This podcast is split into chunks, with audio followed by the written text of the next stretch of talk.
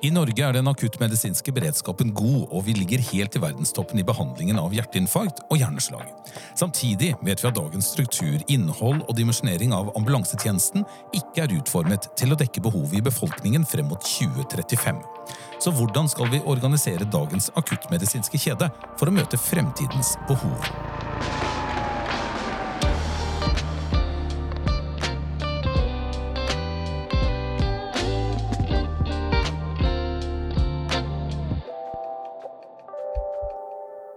Velkommen til Akuttjournalen. Mitt navn er Per Håkon Solberg.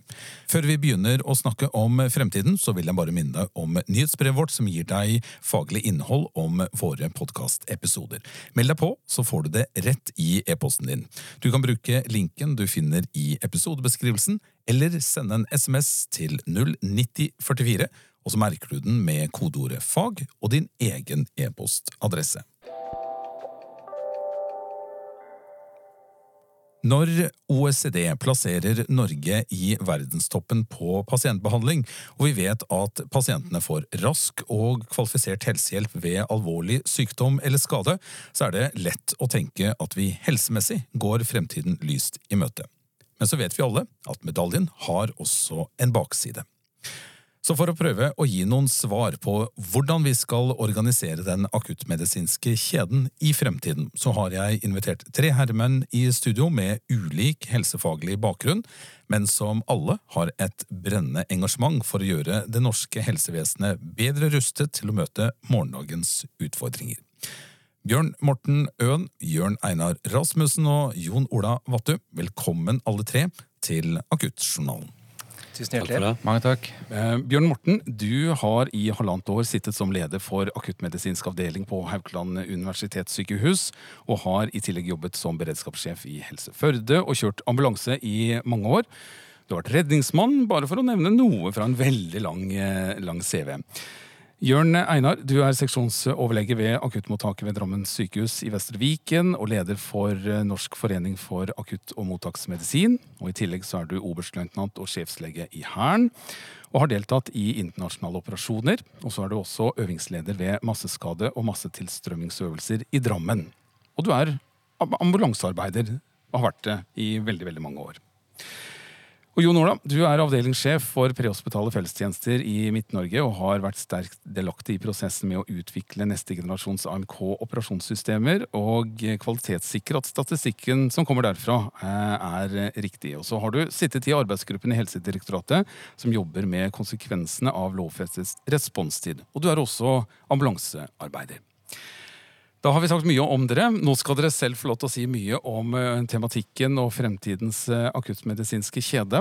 Um, Jon Ola, jeg har lyst til å begynne litt med deg. For på Ambulanseforum så kastet du ut en, en liten brannfakkel og sa sitat Dagens struktur, innhold og dimensjonering av ambulansetjenesten er ikke utformet til å dekke behovet fram mot 2035. Du tegner et litt annet bilde enn det jeg innledet med å si da jeg viste til uh, tallene fra OECD, uh, f.eks. Uh, hva er det som ikke er dimensjonert? Hva er det vi ikke har på plass for fremtiden? Vi har en veldig god ambulansetjeneste i Norge i dag.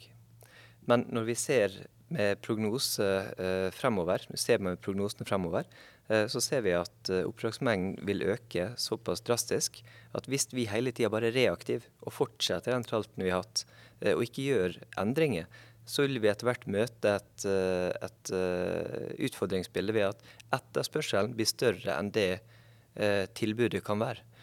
Og med det mener jeg at da, da kommer vi i en skvis og ikke klarer å prioritere riktig og godt nok.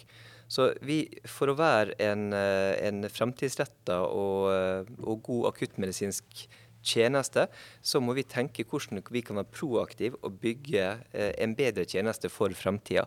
Eh, og da må vi tenke nytt. Vi må tenke helhetlig. Vi må tenke eh, hvordan vi kan utnytte ressurser på tvers mellom forvaltningsnivåer. Vi må tenke at pasienten skal settes i sentrum for at behandlinga skal rettes rundt han, og ikke rundt de tjenestene vi er med å drive. Ja, Hvor er det skoen trykker?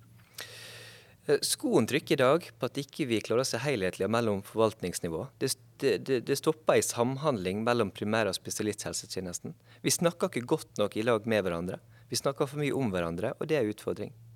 Eh, vi må nødt til å møtes, vi må sette oss ned og prate og legge en felles strategi i lag. Eh, og Utfordringsbildet er at det er veldig mange ulike kommuner, mens det er ett regionalt helseforetak. Det handler om at vi ikke i fremtida kan transportere pasienten fra A til B eh, for ting som enkelt kunne vært løst hjemme. Vi må ta inn over oss at etterspørselen blir så stor at vi må bruke ressursene mer riktig for å kunne være best. For det er to vidt forskjellige eh, utfordringer vi står overfor. I byene så vil du på en måte ha så stor oppdragsportefølje, oppdragsmengde, at du kjører skyttel, mens i distriktet så må vi tenke litt annerledes. Er dere bekymret, mine herrer, for eh, det bildet som egentlig Jon Ola eh, tegner? Mm, ja og nei. Ja, hvis vi, hvis vi ikke tar dette her inn over oss og, og blir klare for endringer, så er det grunn til bekymring. Men vi er gode på dugnader i Norge. Vi er flinke til å brette opp ermene og, og, trå til når vi må. De prehospitale tjenester har utvikla seg enormt de siste 50 åra. Det skal vi også få sett å gjøre de 50 neste. Vi har masse gode folk, der er god vilje. Og jeg er sikker på det at eh, når vi bare setter oss ned sammen og begynner å jobbe målretta mot å løse problemer, så skal vi finne gode løsninger. Men at det blir utfordrende, ja, det, det er vi alle sammen eh, tror jeg enige i. En del av de løsningene vi ser for oss, de tar tid å bygge opp. For det er kanskje gjennom akademia at vi må se at kanskje profesjonen eh, legevaktslegen eller kommunelegen som nå har flytta fra kommunen, Kanskje vi må styrke den kompetansen på en eller annen måte prehospitalt. Kanskje prater vi med framtidig mastergrad eh, som kan ordinere, skrive ut resepter. Kanskje går vi dit. Og det tar tid å bygge opp, og derfor må vi begynne å tenke allerede i dag. Hvordan kan framtida se ut? Eh, og nettopp ved å tenke helhetlig, møtes med felles arena, tenke felles tanker, eh, legge frem utfordringer, så kan vi være proaktive. Og det tror jeg er litt av nøkkelen.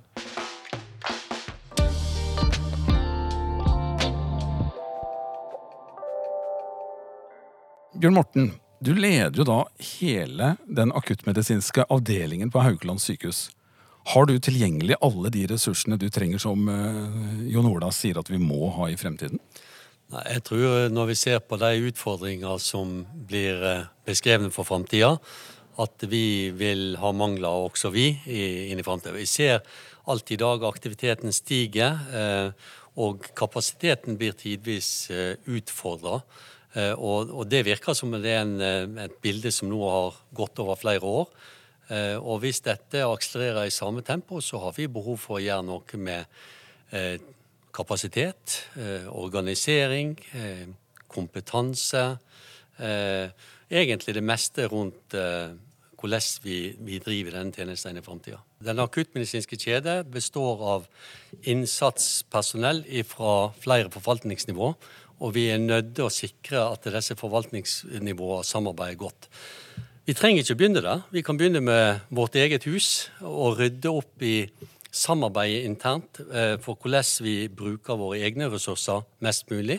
Eh, men at vi må samarbeide mer i framtida, det er jeg overbevist om. Eh, og det er jo nettopp i å si nei til de som ikke trenger den øyeblikkelige hjelpen, at ressursene er ledige til der vi faktisk har behovet. Eh, så det handler rett og slett om å allokere rett ressurs til rett pasient til rett tid. Ved å si nei til dem som ikke trenger akuttbehandling. Hvor vanskelig er den utfordringen vi står overfor? Eh, Utfordringa er veldig kompleks. Og, og, og, for å gå inn i den eh, kompleksiteten, så må vi si at vi står overfor en oppdragsvekst som er stor. Vi har demografien som gjør at oppdragsveksten vil akselerere ytterligere. Vi har også en sentralisering. Legevaktområdet blir større og større. Eh, og vi har en urbanisering der distriktet mister eh, ungdommen som, som bor der. Eh, de flytter derifra. Og det gjør at det blir komplekst for oss å organisere en adekvat akuttberedskap i fremtida, når ikke lenger vi har rekrutteringsgrunnlag for ansatte inn, inn i de rollene vi ønsker å ha dem inn i. Eh, og det er det, det er det, som er med å utfordre den balansegangen her. Eh, og som, som eh, kollegaene her nevner, så, så vil vi mangle 20 000 sykepleiere om ti år i Norge. 20 000. Og da, da kan ikke vi sitte med forvaltningsnivå der vi skal peke på hverandre. Vi må samarbeide. Vi må nødt til å få primærhelsetjenesten og spesialisthelsetjenesten til å jobbe i lag. Eh, og, på distriktet med, tjenester med lav eh, oppdragsmengde og mye beredskapstid, selvfølgelig må vi finne en måte der vi kan eh, i ledig tid jobbe f.eks. med legevaktsmedisin og være ambulansearbeider samtidig. Vi må tenke litt nytt. Vi må tørre å utfordre etablerte. Hvor lett er det å få til det? Jeg ser på deg, Bjørn. Ja, altså Veldig mye handler jo om eh, vilje. Eh, Ambulansetjenester er sånn Det er veldig akuttmedisin. Men hvis du ser kjedene under ett, så handler det om kanskje mye større spørsmål. Og det er liksom hvor mange pasienter skal inn i sykehus? Eh, som du også sier. Eh, for, for eh, kan ambulansetjenester bidra til å være litt portner, portnervakt? Eh, så har vi også dempa trykket i andre deler av tjenester. Så summen av alt til slutt er jo det, det totale eh, bildet som, som, vi må prøve å oppnå noe på. da.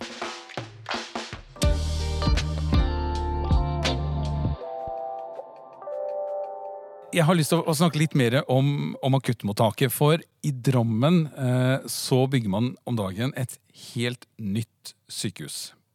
Og da er man jo litt fristende eh, til å, å, tenke at når man bygger noe nytt, så bygger man også for fremtiden. Jørn Einar, får du et fremtidsrettet akuttmottak i Drammen? På mange måter får vi det.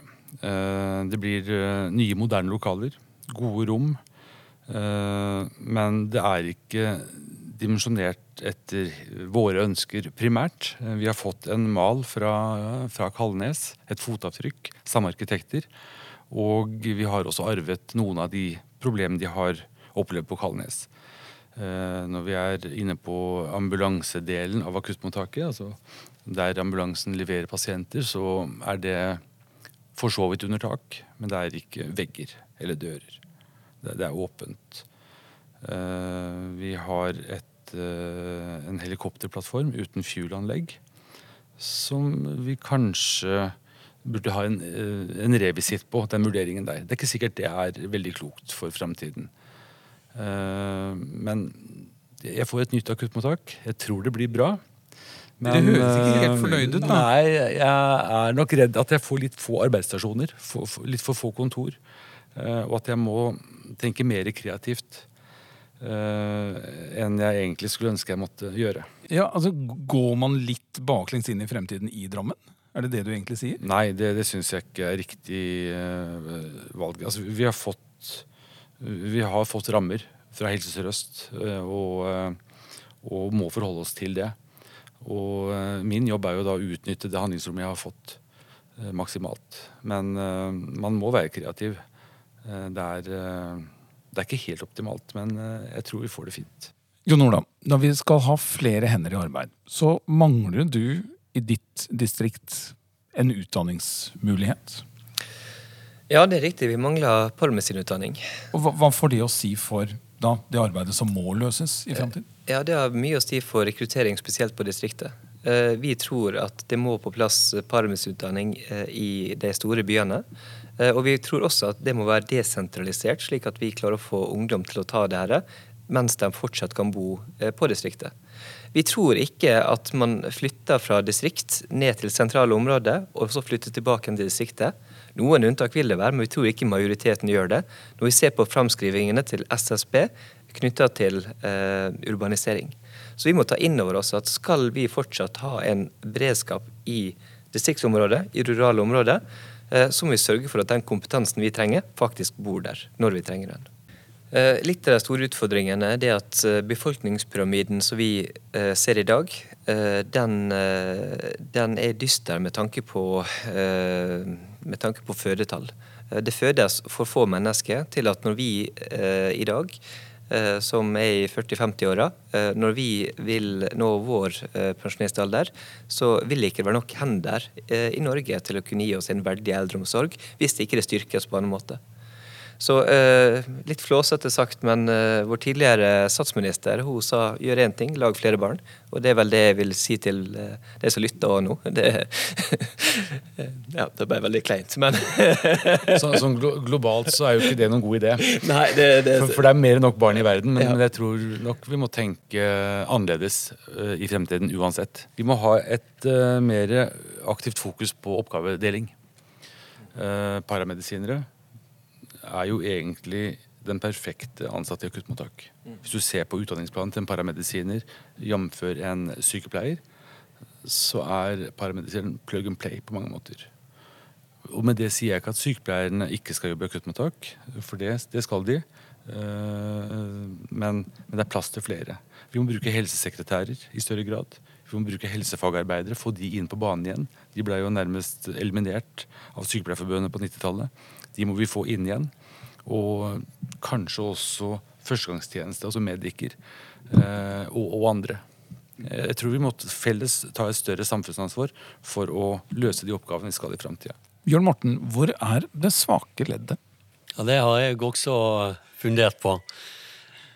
Nei, jeg er ikke, jeg er ikke sikker. Men ser vi framtidsbildet, så er det jo rett og slett uh, egentlig at vi har ikke nok unge folk å lære opp til å uh, ta disse jobbene. Uh, vi må tenke annerledes. vi må passe oss så det beste ikke blir det godes fiende i det vi holder på med nå. Eh, vi kan sette så store forventninger til prehospital tjeneste og kvaliteten på denne at vi blir blinde for å se alternative muligheter. Skal vi tenke samhandling med kommune ute? Ja, det kan hende at vi skal ha en ambulansearbeider, og at vi tar med oss en sykepleier for pleie og omsorg. Eh, fordi at vi faktisk har problem med å bemanne alle sammen. Eh, hva er godt nok, og hva må vi gjøre for at en slik tjeneste Eh, skal være god nok. For alternativet kan være at vi ikke har noen tjeneste i hele tatt. Så vi må se et større bilde her, og vi må vurdere andre løsninger enn de vi kanskje jobber etter i dag og er kjent med i dag.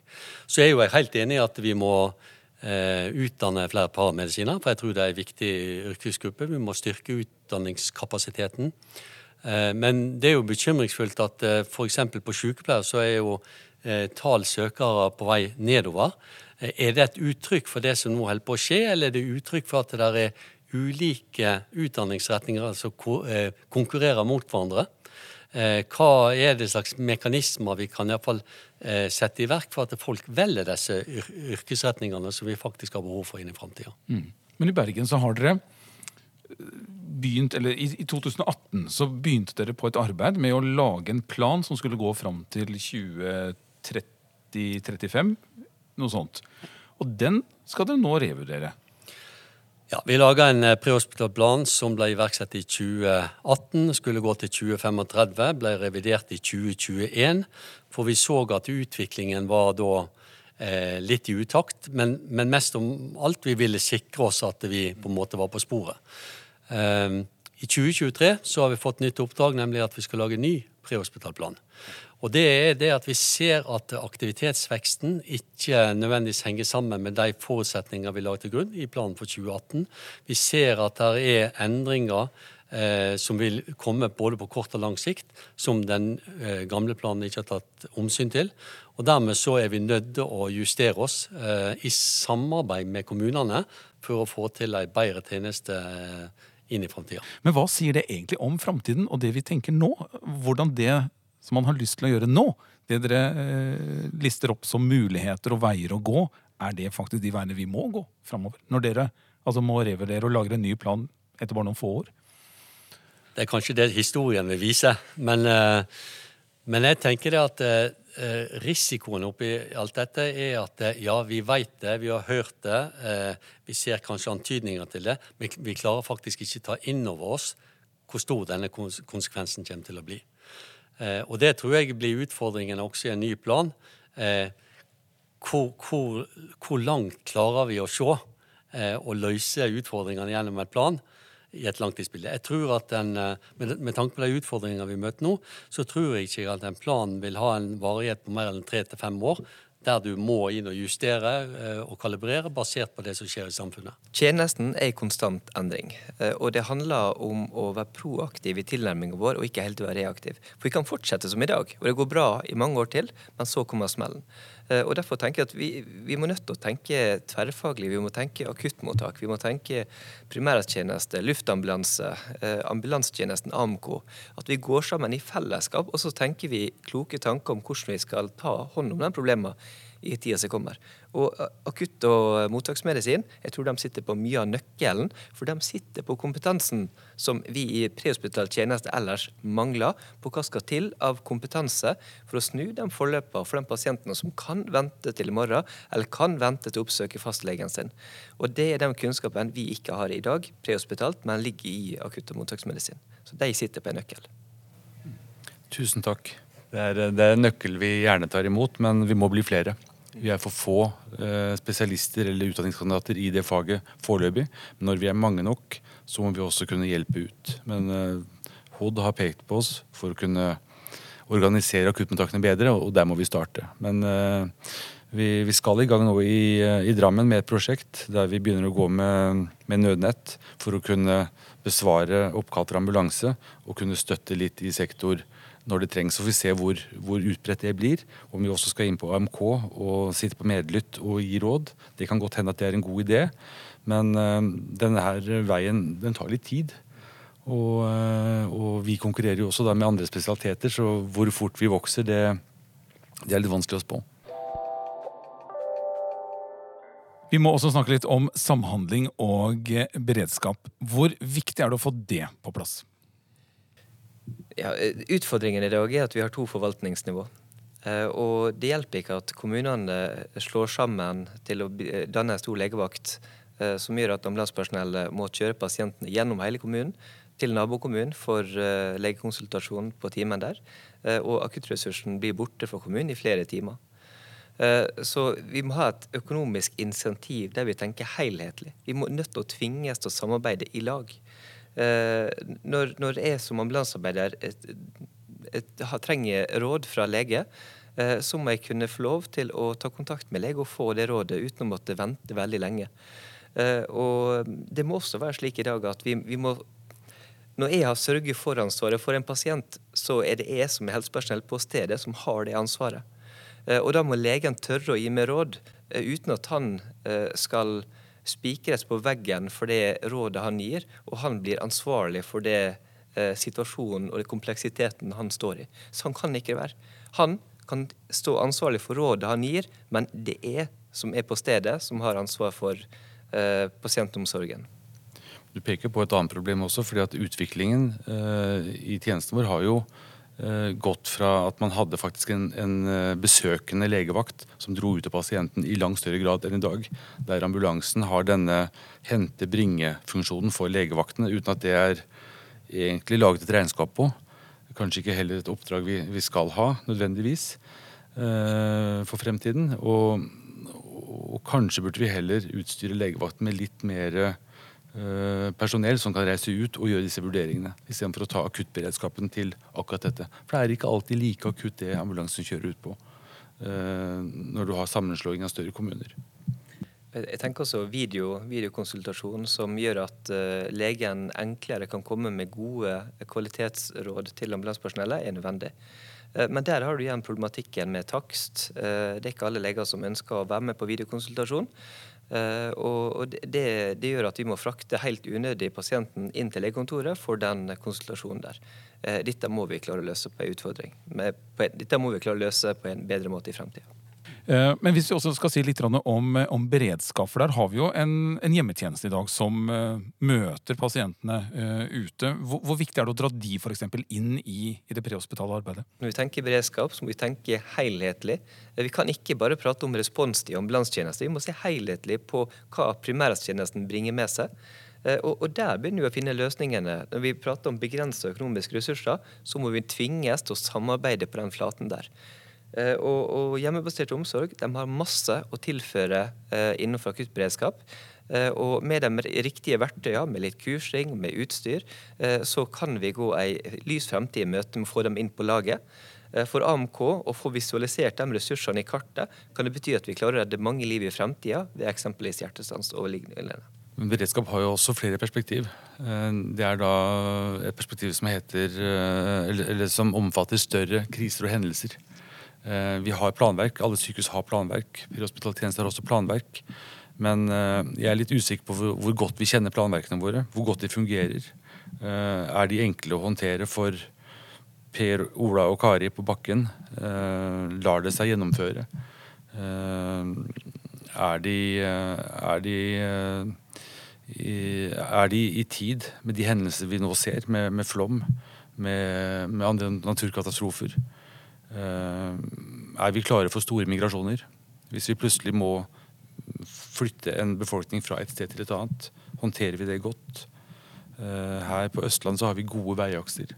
I nord så har vi mye kanaliserende lende, dvs. Si at du må over, over, en ås eller inn i Sverige for å komme videre.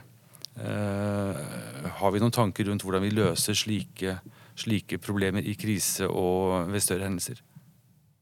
Og så ser vi at det er jo ute i distriktet at kanskje utfordringene blir størst. I byene så har man gjerne alt mye tettere på og mer tilgjengelig, mens ute i distriktene så er avstander og tilgang på, på ressursene. Vi så jo bare hvor vanskelig det ble i Ål nokså sentralt eh, sted eh, på Østlandet. Der vi eh, mistet mobildekning. Alle veiaksene ut eller inn av Ål var borte. Vi hadde en ambulanse som var isolert på sitt område. Vannet var borte eller, eller forurensa. Det gikk trygghetsalarmer. Vi visste bare ikke hvor. De ble alarmert fra. Det var kommunikasjonsproblemer i starten. Altså det var et stykke arbeid å gjøre, selv om vi har planer. Så, så fikk vi testa oss ganske bra den dagen. Beredskap er jo et viktig, viktig forhold. Eh, og så har vi de store krisene som du snakka litt om, som eh, krever planverk og krever noe ekstraordinært. Men vi snakker også om beredskap i daglig drift. Eh, Hvorvidt Skravlansen sitter eh, på en stasjon og venter i beredskap, eh, kontra å være på hjul ute altså patruljere, som de gjør nå i Vestre Viken. Rullende ambulanse. Hvorvidt kan teknologien hjelpe oss til å predikere, iallfall i byer, som gjør det at vi har ressursene på rett plass? Hvordan skal vi bruke denne beredskapen, slik at vi optimaliserer ressursbruken vår eh, underveis? Det er mange andre ting også vi kan se på i forhold til teknologi. Legevakt sentraliserte. Det er ikke husdoktoren lenger som er på legevakta. Det er en landvikar som ikke kjenner noen. I tillegg så har han kanskje ikke journal på pasienten, fordi at de er ikke kobla opp. De kommunale legevaktsystemene er ikke kobla opp mot uh, den interkommunale legevaktsentralen. Kan vi gjøre noe teknologisk som gjør det at uh, den som ikke har anledning til å reise ut, iallfall har informasjon om pasienten, som kan være et bidrag, bidrag inn i vurderingen av pasienter. Så det er mange ting vi må se på her for å, å styrke hele denne kjeden. Og og styrke hele denne kjeden? Vi, vi, har jo nå i Midt-Norge innført Helseplattformen. Eh, og det har gjort at eh, ambulansetjenesten ser eh, mer helhetlig av forløpet. På vei ut til pasient så er muligheten til å slå opp i medisinliste, i sykdomshistorikk, i kave. Vi kan se tidligere legebesøk. Vi kan lese oss opp på situasjonen til pasienten. Så gjør at når vi møter pasienten, så er vi mer forberedt. Eh, når vi har gjort eh, vår eh, behandling, levert pasienten i akuttmottak, så kan vi ettertid gå inn og ta læring av hva var den kasustikken her? Var det det vi trodde? Var den tentative diagnosen riktig? Så den type teknologiske endringer som kommer, bringer med seg også et enormt kompetanseløft. Og, den Det har jeg veldig troa på at vi klarer å bringe tilbake til, til tjenesten. Eh, men, men, du nevner jo også det med, det med optimalisering. og eh, det er jo litt flåsete sagt. Eh, enhver logistikkbedrift i Norge har et, har et optimeringssystem. Det har vi ikke i ambulansetjenesten. Vi har veldig gode koordinatorer som sitter på magefølelsen og gjør det beste de kan. Eh, men når det blir flere hundre eh, transportoppdrag som skal koordineres, og det kommer innslag av akutte og hasteturer, så er det med å ødelegge planen. Eh, det, fine med den nye generasjonen AMK-system som kommer, det er at der er det bygd inn optimaliseringsverktøy, riktignok i fase to, men som bruker enorme mengder med historiske oppdrag til å kunne lage en prognose på hvor fremtidig behov melder seg. Den vil også kunne også bruke teledata og andre løsninger for å kunne lage et forventa behov i fremtida. Eh, når vi sitter og ser på virksomhetsdata fra Trondheim f.eks. i dag, eh, så er det, det er ikke veldig vanskelig for oss å sette oss ned med, med kartet, eh, ta heatmap og, og eh, se hvor stor sannsynlighet er for det ville komme et behov i den bydelen eller den bydelen. eller den. Så jeg, jeg tror nok du har helt rett. Vi, vi må tenke at ambulansetjenesten er til for pasientene. Eh, vi må tenke hvordan vi kan redusere responstida. Eh, og store stasjoner med mange biler er ikke fremtidsretta. Vi må klare å kutte ned på den tida, og da er nok de verktøyene vi får, riktige.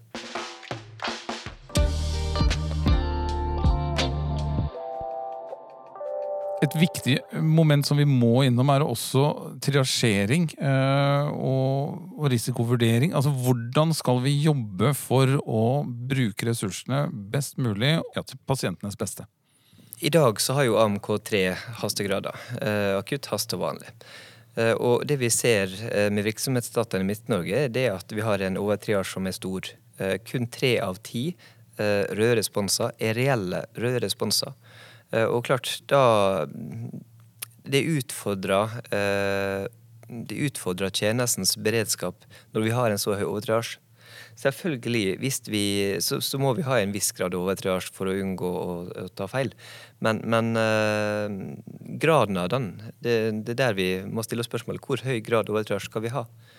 Eh, må vi alltid ha 100% ryggdekning? Og Det er veldig interessant når vi diskuterte responstid tidligere i sted. For vi ser at jo mer tidspress AMK har på å fatte en respons, jo høyere blir responsen.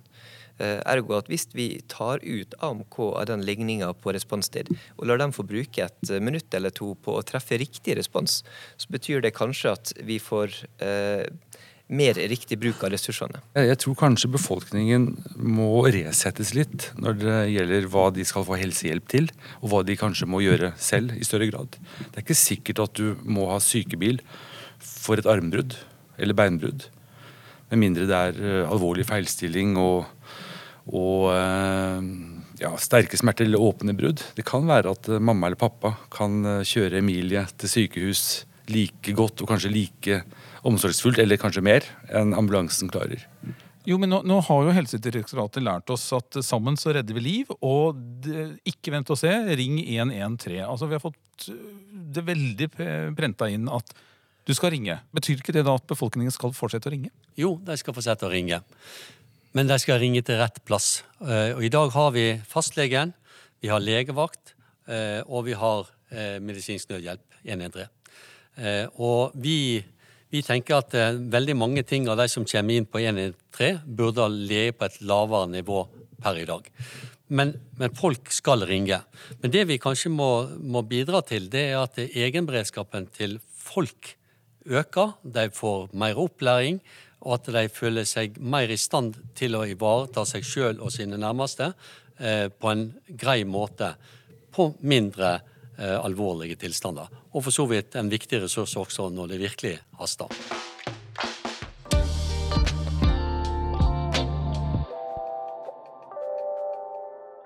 Vi skal begynne å runde av praten, men før dere får et siste ord, så vil jeg bare minne deg som lytter om nyhetsbrevet vårt.